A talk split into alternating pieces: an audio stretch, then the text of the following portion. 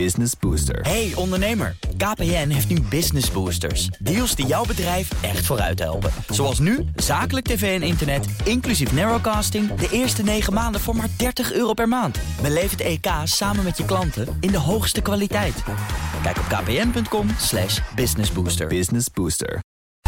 De BNR Techniek Tour wordt mede mogelijk gemaakt door Techniek Nederland. De ondernemersorganisatie voor de installatiebranche en technische detailhandel. BNR Nieuwsradio. De BNR Techniek Tour. Thomas Schuurman. Als we in 2050 van het gas af zijn, moeten we er binnen nog wel warmpjes bij kunnen zitten. Maar hoe ziet onze warmtevoorziening er dan uit? Moeten we massaal aan de warmtepomp als er nog zoveel vragen zijn?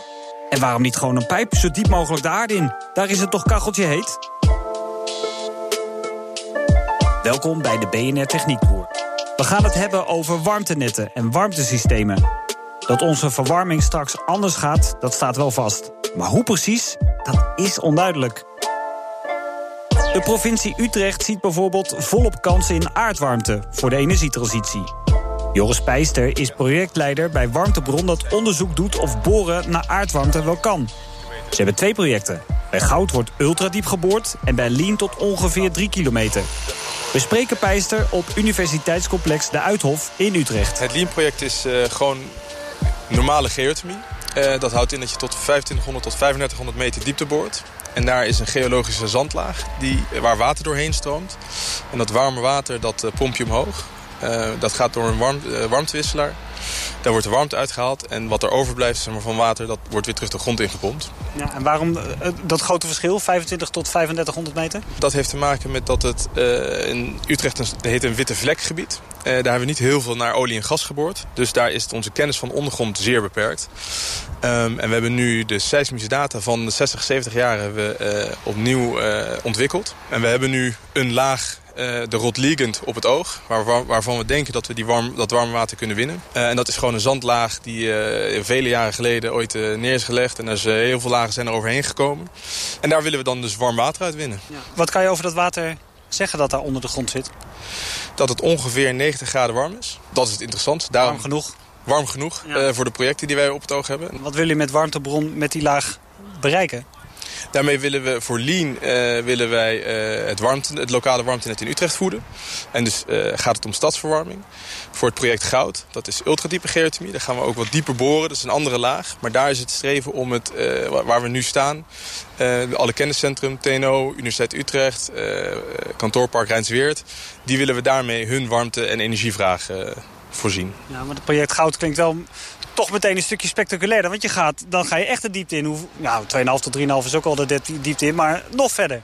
Ja, bij goud, uh, dat is ultradiepe geothermie. Daar gaan we 4 kilometer diepte. Dat is uh, in Nederland uh, vooralsnog nog niet gedaan voor geothermie. Daar weten we dus ook, hebben we nog minder kennis van. Ehm, bij goud moeten we dus ook nog eerst dus de seismische projecten van EBN afwachten. Die zullen meer informatie verschaffen over die diepere lagen. Maar dat is inderdaad een stuk dieper. Dat is 4 tot 7 kilometer diepte. En dan verwachten we ook een stuk warmer water omhoog te krijgen. Ja, hoeveel warmer? Nou, dat is ongeveer 30 graden per kilometer diepte. Dus we verwachten daar op, uh, op 4 tot 7 kilometer diepte iets van 120 tot 180 graden warmte water. Kan je eigenlijk zomaar overal de grond in? Naast het feit dat er wettelijke uh, limitaties aan zijn... Hè, je hebt gebieden waar je gewoon niet mag boren... Um, is, het, is het boren naar beneden. Is, uh, uh, ja, je, je, je hebt een boortoren nodig en dan moet je een, een boorgat maken. Ja. Maar wat gaat er dan de grond in? Gewoon een buis? Je begint met een gat te boren. Daar zet je een buis in. Uh, een metalen buis om te voorkomen dat het gat instort. Uh, dan boor je weer een stukje dieper met een smallere radius. Daar zet je weer een smallere buis in. En zo ga je als een soort omgekeerde telescoop naar jouw geologische laag toe. om een verbinding te creëren met, die, met, met dat reservoir wat je wil aanboren. Nou, we hebben het nu over een paar kilometer diepte. Zou het in theorie ook gewoon naar 10, 20 kilometer diepte kunnen? Of nog verder? Dat zou zeker kunnen. De vraag is alleen dan of het water er nog is te warm geworden? Het zou te warm zijn kunnen worden. Of, uh, je, ik weet nog niet of er in Nederland überhaupt ooit zo, ver, uh, zo diep geboord gaat worden. Het klinkt wel spannend. Het klinkt wel heel spannend. als het ergens warm is, dan is het natuurlijk wel in de kern van de aarde. Maar als 7 kilometer al technisch uitdagend is... dan wil ik nog niet eens beginnen over 20 kilometer. Ja. Waar moet de locatie aan voldoen om te kunnen boren? nou, ten eerste moet het een locatie zijn die niet al te ver weg ligt van het warmtenet. Uh, dat is weer het economische gedeelte. Hoe verder je warmte transporteert, hoe duurder het wordt. Dat is een van de vereisten. Uh, wij willen hier zeg maar, één project goud dat, uh, vindt dus hier plaats. Dus hier is op het Science Park? Hier is op het Science Park. Ja. Uh, dus dan moet je een locatie ergens op het Science Park uh, zoeken als bijvoorbeeld. Bijvoorbeeld hierachter, want daar zie ik een, nou, een soort koepelding staan... waar de oude gastanks staan. Nou ja, je kan daar niet zomaar boren. Je hebt ongeveer een voetbalveld nodig voor de hele boorinstallatie. Als die boorinstallatie helemaal weg is... dan blijft er ongeveer twee parkeerplaatsen aan materiaal over. maar voor onder andere doordat de wetgeving zo is ingericht... moet je wel ten alle tijde het ook kunnen opruimen. Dus dat voetbalveld moet wel altijd beschikbaar zijn. Dus je kan bijvoorbeeld geen huis erop gaan bouwen. Al dus Joris Pijster. Hij verwacht, als alles meezit, dat op zijn vroegst begin 2021 geboord kan worden. Jan Brands is ook bij Warmtebron betrokken. Hij werkt voor energiemultinational Engie. Ze hebben inmiddels behoorlijk veel ervaring met boren naar aardwarmte. Honderden putten hebben we gemaakt in Frankrijk, Duitsland en Engeland uh, sinds de jaren 60. Uh, dus we zijn uh, zeer bekend met het maken van, en het verkennen van dat soort dieptes. Engie is een internationaal bedrijf. bijvoorbeeld ook warmtenetten in Parijs die al meer dan 30 jaar draaien op geothermie. Dus wij ja, pretenderen te weten hoe geothermie en warmtenetten te combineren vallen. Zo is bij geothermie het van belang dat er veel vraag per vierkante meter is. Ja, een warmtenet is eigenlijk uh, leven bij de gratie van hoe meer uh, warmtevraag ik per meter warmtenet kan aanleggen. Eh, of kan, uh, kan krijgen, hoe beter dat is voor het warmtenet. Dus het wordt het warmtenet gewoon economischer rendabel. En... Vandaar ook dat hier bijvoorbeeld in Utrecht, hier op het Science Park... maar ook in bepaalde wijken in Utrecht echt gekeken wordt... of het daar op klein lokaal gebied kan? Ja, omdat je uh, bijvoorbeeld in dit Science Park zie je veel hoogbouw. Nou, hoogbouw betekent uh, automatisch veel warmtevraag per vierkante meter grondgebied. Uh, het warmtenet van Utrecht, het stadswarmtenet, is het grootste warmtenet van Nederland. Dus ja, daar zou je veel geothermie moeten kunnen invoeden. Mits dat economisch haalbaar is natuurlijk en duurzaam. En daarmee zou je de huidige bronnen waarop die, die warmtenetten draaien... dat zijn vaak fossiele bronnen. En ik geloof hier zelfs puur gas gestookt. En bij Eneco, of op het, op het warmtenet van Utrecht, is het uh, restwarmte van een elektriciteitscentrale. Nou, uh, dat zijn allemaal bronnen die uh, op termijn niet meer wenselijk zijn, want gas gerelateerd. Dus die wil je gaan vervangen door andere bronnen. Kun je mij misschien uitleggen hoe zo'n technisch circuit eruit ziet... als je uiteindelijk van een diepe aardlaag in zo'n wijk met warmte te maken wil hebben? Ja, nou, mijn collega Joris heeft net uitgelegd hoe zo'n geothermiebron werkt. Hè? Dus laten we bij dat, uh, die warmtewisselaar bovengronds beginnen. Uh, die warmtewisselaar, die, dat zei Joris al, die geeft warmte af aan een zoetwatercircuit. Dat is het warmtenet eigenlijk. dat zoetwatercircuit brengt dat water naar waar het moet zijn. Dus eigenlijk naar ofwel de industrie of de gebouwde omgeving. Of bijvoorbeeld die kassen waar je het net over had. En aan die kant van de keten staat dan ook weer een warmtewisselaar. En die scheidt het lokale systeem van zo'n gebouw of van zo'n tuinder uh, met het warmtenet.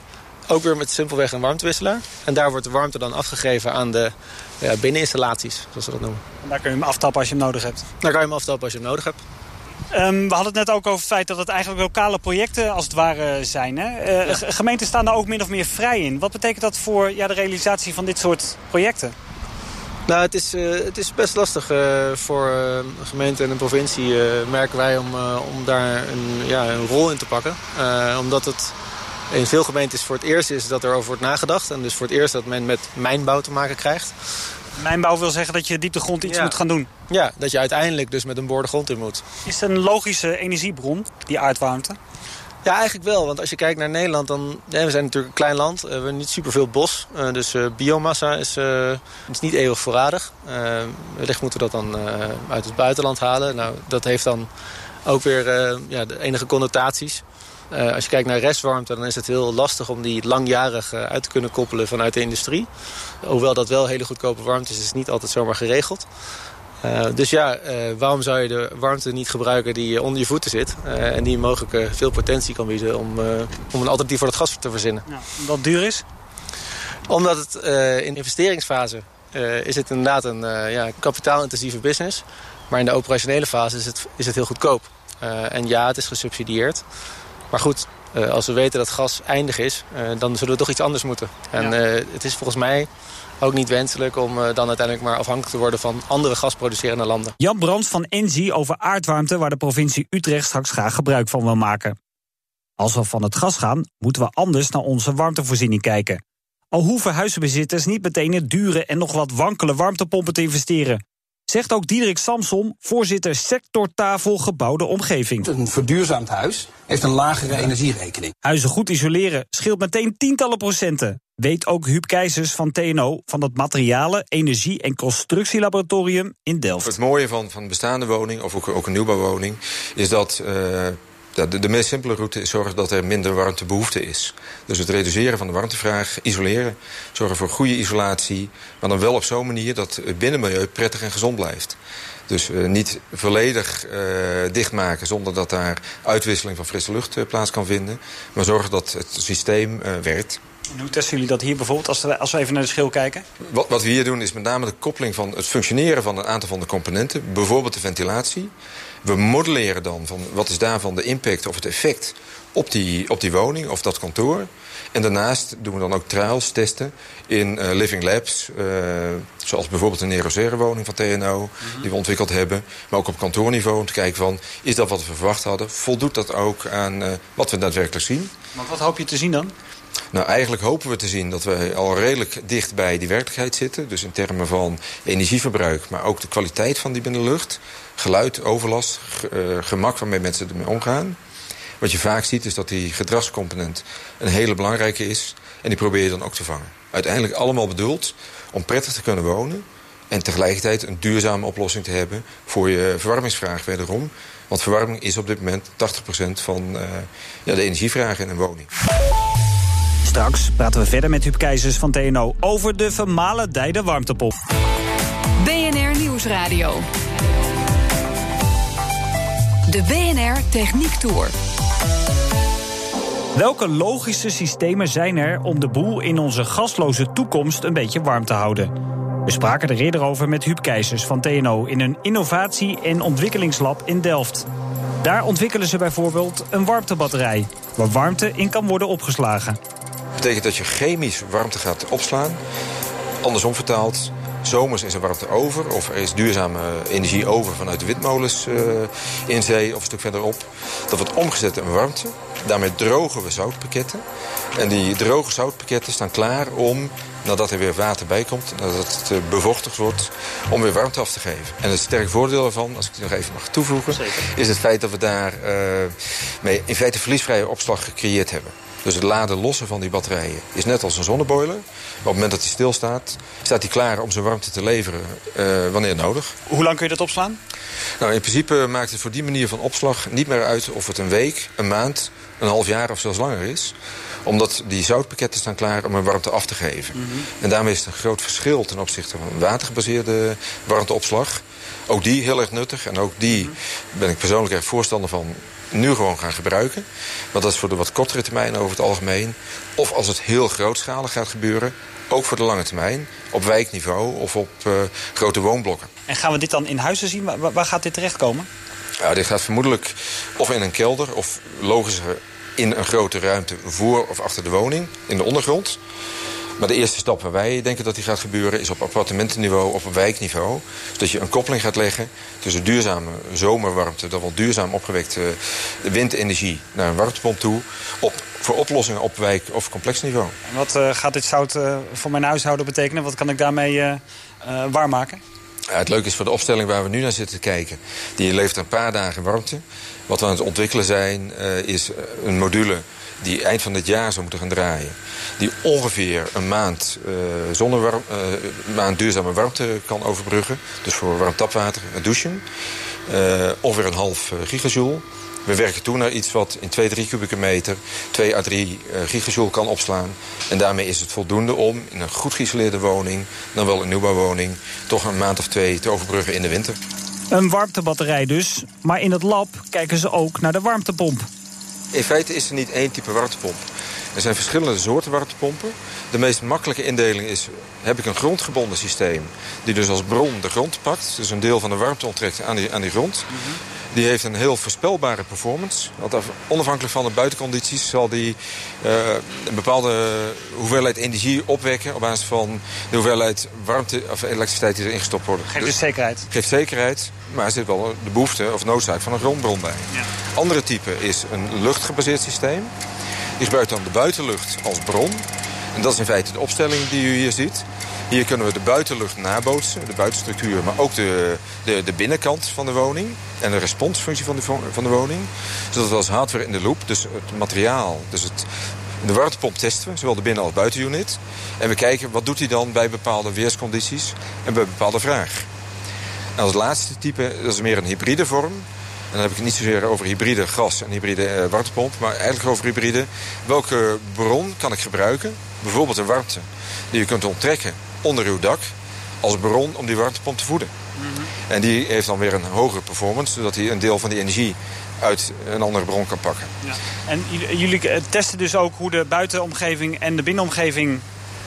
Uh, voor een invloed hebben op die warmtepomp. Zijn dat die buizen zeg maar, die ik hier zie lopen? Want ik zie hier een behoorlijk groot buizenstelsel. Nou, de, de, de, buizen zijn uh, met name voor een stukje toe- en afvoer van de, van de, van de, van de, de lucht. Ja. Uh, hoe het met name werkt is, dan wijs ik even hier naar links... Ja. Uh, is een opstelling waar we dan die warmtepomp in plaatsen. Ja. de buitenunit plaatsen dan in een van de andere units. En we kijken hoe die onderling functioneert... waarbij we de rest van de woning eromheen modelleren. En dat kan een rijtjeswoning zijn, kan een vrijstaande woning zijn... kan een appartement zijn. In feite kan het elk type woning zijn, maar ook elk type aanpassing. En dat maakt dus dat je niet zozeer een testomgeving bent... maar echt een ontwikkel-innovatieomgeving... om de koppeling tussen warmtepomp en systeemconcept... om die optimaal te kunnen inschatten. Ja, waar zit de grootste ontwikkeling in? Nou, de grootste ontwikkeling op warmtepompniveau is toch het terugbrengen van de omvang, compactheid en de kosten. En uh, op systeemniveau echt het uh, slim inregelen van die warmtepompen met de rest van je systeem. Om dat als integraal product grootschalig uit te kunnen rollen. Dank, Huub Keizers. Warmtepompen en warmtenetten lijken op dit moment de meest logische warmtesystemen voor de toekomst. We praten daar verder over met... Ik ben eh, Mark Londo. Ik werk bij het Copernicus Instituut van de Universiteit Utrecht hier. één dag in de week. En daarnaast werk ik bij de NVDE, de Nederlandse Vereniging Duurzame Energie. En hij legt uit hoe nieuwe warmtesystemen uiteindelijk vorm moeten krijgen. Nou, centraal staat daarbij de regionale aanpak. Er zijn 30 uh, regio's aangewezen in Nederland. En die moeten via regionale energiestrategieën moeten ze hun plannen maken over hoe ze die in totaal anderhalf miljoen woningen gaan verduurzamen tussen nu en 2030. Ja, dat is dus een beslissing die op lokaal niveau genomen moet worden. Ja. ja, het idee is dat als je het op die manier gaat doen... en je begint echt wat meer lokaal te kijken wat mensen nou willen... en wat er goed past in een bepaalde wijk. Het heet ook wel de wijkgerichte aanpak. Eigenlijk op wijkniveau wordt gekeken... Uh, wat de, de meest geschikte techniek is in die specifieke situatie. Is dat iets dat zomaar uh, tot stand kan komen? Het lijkt me best ingrijpend op, om tot zo'n beslissing te komen. Ja, nou, ze krijgen natuurlijk wel, die, die, die, resten, die regio's, die krijgen allerlei informatie mee. Een van de dingen is dat het Planbureau voor de Leefomgeving maakt een analyse per wijk wat uh, de meest kosteffectieve optie zou zijn om die wijk te verduurzamen. En dan kijken ze vooral naar de karakteristieken van de wijk, het bouwjaar, hoe dicht staan de woningen op elkaar, um, uh, wat is de energieprestatie van die, van die woningen. En daarmee kunnen ze ongeveer aangeven wat indicatief de meest kosteffectieve oplossing is per wijk. Um, dat is een van de bouwsteentjes om die afweging te maken op lokaal niveau. Er zal ook gekeken worden naar wat burgers zelf willen. Dat wordt ook komt allerlei interactie met, uh, met, uh, met de omgeving.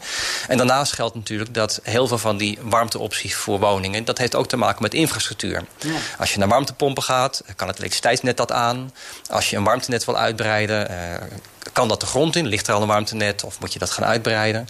En dat heeft ook te maken met de vraag... Um, wanneer is er toch al onderhoud aan de orde? Ja. Als, als de riolering er toch al uit moet en vernieuwd moet worden... dan is het makkelijker om dan ook een warmtenet aan te leggen... dan wanneer dat in zijn eentje zou moeten. Ja, maar het kan dus zo zijn dat de ene wijk in een stad overgaat op een warmtenetwerk... terwijl aan de overkant van de straat men over moet slash gaat op warmtepompen. Ja, nou het is voorlopig allemaal uh, gaat. Uh, er, er, moet nog helemaal niks. Het hele idee van, dit, uh, van die plannen is natuurlijk dat je, dat je burgers in hoge mate moet ontzorgen. We weten allemaal dat het betaalbaar moet blijven. Dat het niet een eindeloze hoeveelheid gedoe moet betekenen als je huis aan de beurt is. Dus die plannen worden wel zo gemaakt dat het ook op die manier gewoon doenlijk is. Ja. Is er veel ontwikkeling in die warmtenetwerken? Ik bedoel, zijn er veel technologische ontwikkelingen? Nou, warmtepompen zijn natuurlijk nog relatief nieuw. Dus die, uh, die gaan ook naar verwachting in kosten nog flink naar beneden. Warmtenetten, daar zitten eigenlijk twee dingen in. Uh, die warmtebuizen zeg maar, in de grond leggen, nou, dat is redelijk standaard werk. Dat kan niet zo heel veel meer goedkoper worden. Tegelijkertijd is een belangrijk tweede ding bij die warmtenetten... is dat ook de warmte die dat net ingaat, dat die natuurlijk schoon moet worden. Heel vaak is dat nu een gascentrale of een afval, afvalcentrale... of uh, nou ja, zijn er wat andere industriële bronnen. Uh, je moet dat gaan verduurzamen door of gebruik te maken van schone restwarmte of van geothermie. En ik heb al begrepen dat jullie daar nog iets... Uh, ja, iets aardwarmte. aardwarmte, precies. Dat heet ook al geothermie. Uh, of je doet iets met, met biomassa-ketels... waardoor die warmtenetten in elk geval door schone warmte gevoed worden. Ja, dus aan de voorkant moet eigenlijk nog best wel wat gebeuren. Ja, en daarbij zie je dat vooral aardwarmte is natuurlijk ook nog relatief nieuw. Dus daar verwachten we ook nog flink wat kostendalingen. En in minder mate ook voor biomassa en aquathermie. Dat is eigenlijk dat je de, de temperatuur uit water haalt, zeg maar. Dat je op die manier warmte wint. Ja, u verwacht dus best wel veel. Is dat op, op hoop gestoeld of echt op onderzoek? Nee, er ligt ook wel het een en ander aan onderzoek uh, achter. Uh, als je kijkt naar wat uh, technologiebedrijven, waar ze mee bezig zijn... en als je daar gewoon de, de, normale ervaringen op loslaat... wat er gebeurt als een technologie van een heel kleine schaal naar een grote schaal gaat... dan zie je altijd dat kosten lager worden. Je komt ook wel onverwachte nieuwe kosten tegen... maar per saldo hebben we natuurlijk gezien aan zonnepanelen, aan windmolens... aan elektrische auto's. Als je er meer gaat maken, als je schaalvoordelen krijgt... dan gaan die kosten naar beneden. Ja. En dat, dat, verwachten we dus ook bij diverse van die warmteopties. En als we even, toch even teruggaan naar die, naar die regio's. We zitten vooral in de overlegfase op dit moment? Ja, dat klopt. Er zijn 30 restcoördinatoren, zoals het heet. Dus coördinatoren van die regionale energiestrategieën. Die zijn nu allemaal bezig om hun eerste plannen te maken. Ze worden daar op allerlei manieren bij ondersteund. Uh, en als het goed is, uh, gaat dat ook binnenkort gewoon spelen in allerlei wijken en steden. Ja, maar hoe voorkomen we dat dit een bureaucratisch verhaal gaat worden... waarbij allemaal overlegorganen met elkaar in gesprek gaan... op rapporten wachten, et cetera? Ja, nou ja, een van de dingen is natuurlijk dat uh, die doelstellingen voor 2030 die staan wel. En er zijn ook duidelijke termijnen afgesproken... wanneer die regionale energiestrategieën klaar zijn. Wat er moet gebeuren in de komende jaren.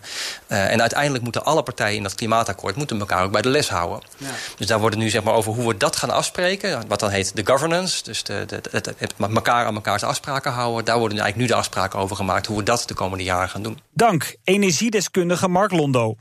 Tot slot nog één keer terug naar Huub Keizers van TNO. Onderzoek en overleg genoeg naar toekomstige warmtesystemen.